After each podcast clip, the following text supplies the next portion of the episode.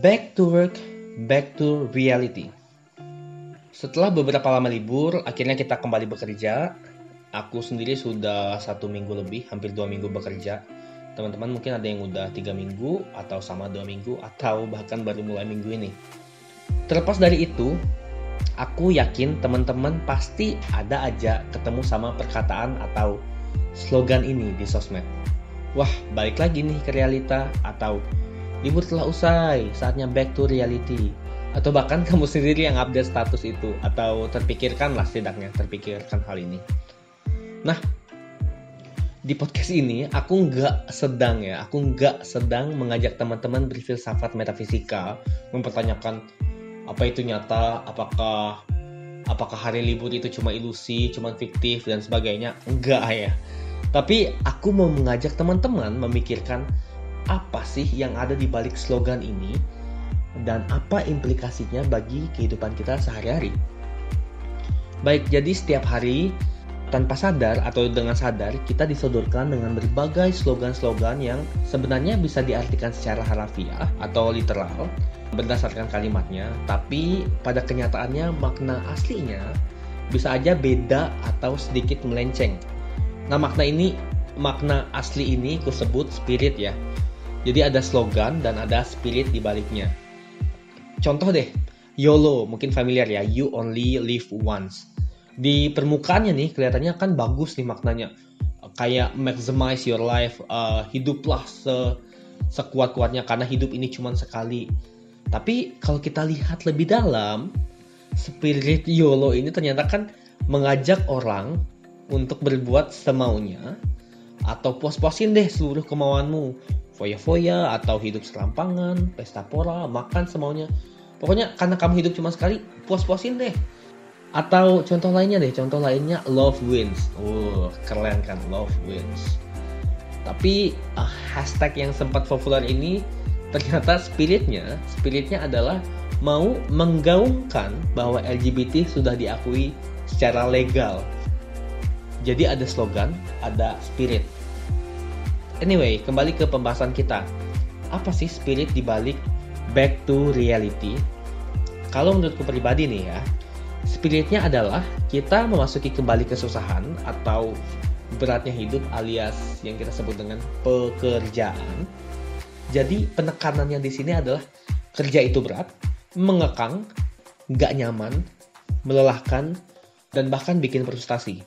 Sedangkan hari libur adalah hari yang indah, hari yang nyaman, hari yang bebas gitu dan hari yang menyenangkan.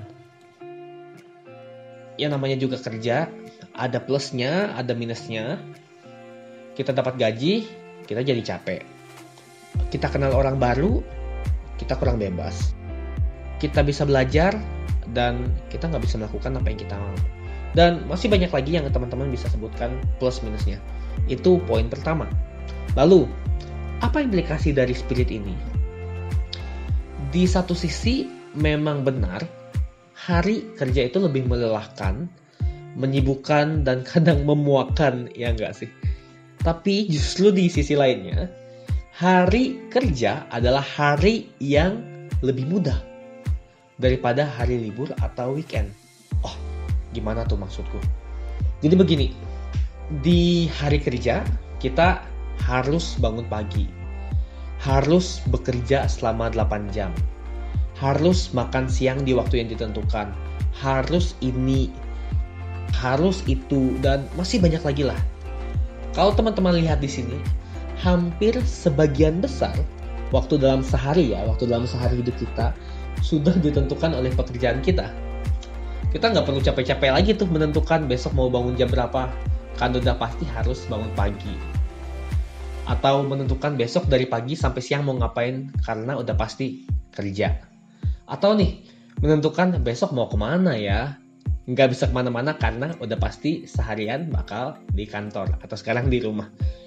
Dan perlu diakui perlu diakui kadang kita terjebak dalam kenyamanan untuk tidak perlu memilih atau menentukan seperti ini kenyamanan ini kadang menjebak ya menjadi suatu perangkap. Bahayanya, perangkap ini dapat membuat kita tidak bertumbuh dewasa dan akhirnya membuat kita kurang bertanggung jawab atas diri kita. Kenapa? Karena kurang mampu untuk menentukan berbagai hal di dalam hidup kita. Itulah sebabnya justru nih ya, sering kali di hari libur, di hari libur kita malah bingung mau ngapain. Kita bingung mau ngapain, gabut atau walaupun udah rencana ini dan itu, kita akhir-akhirnya justru cuma di kasur, main game atau nonton YouTube.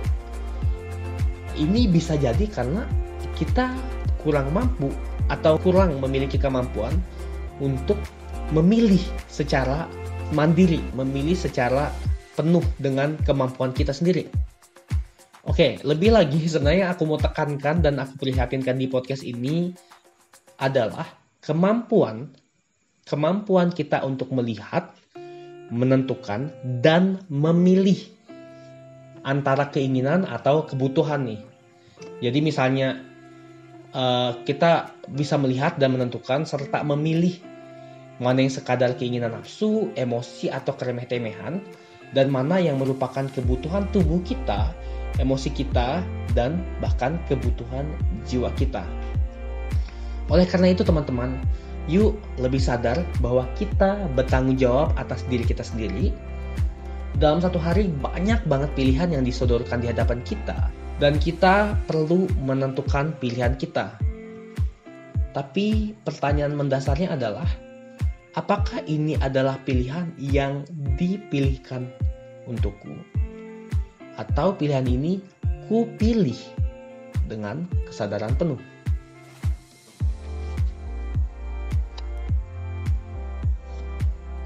Terima kasih banyak sudah mendengarkan podcast ini. Kalau kamu suka, Mohon bagikan supaya teman-teman lain juga bisa mendengarkannya.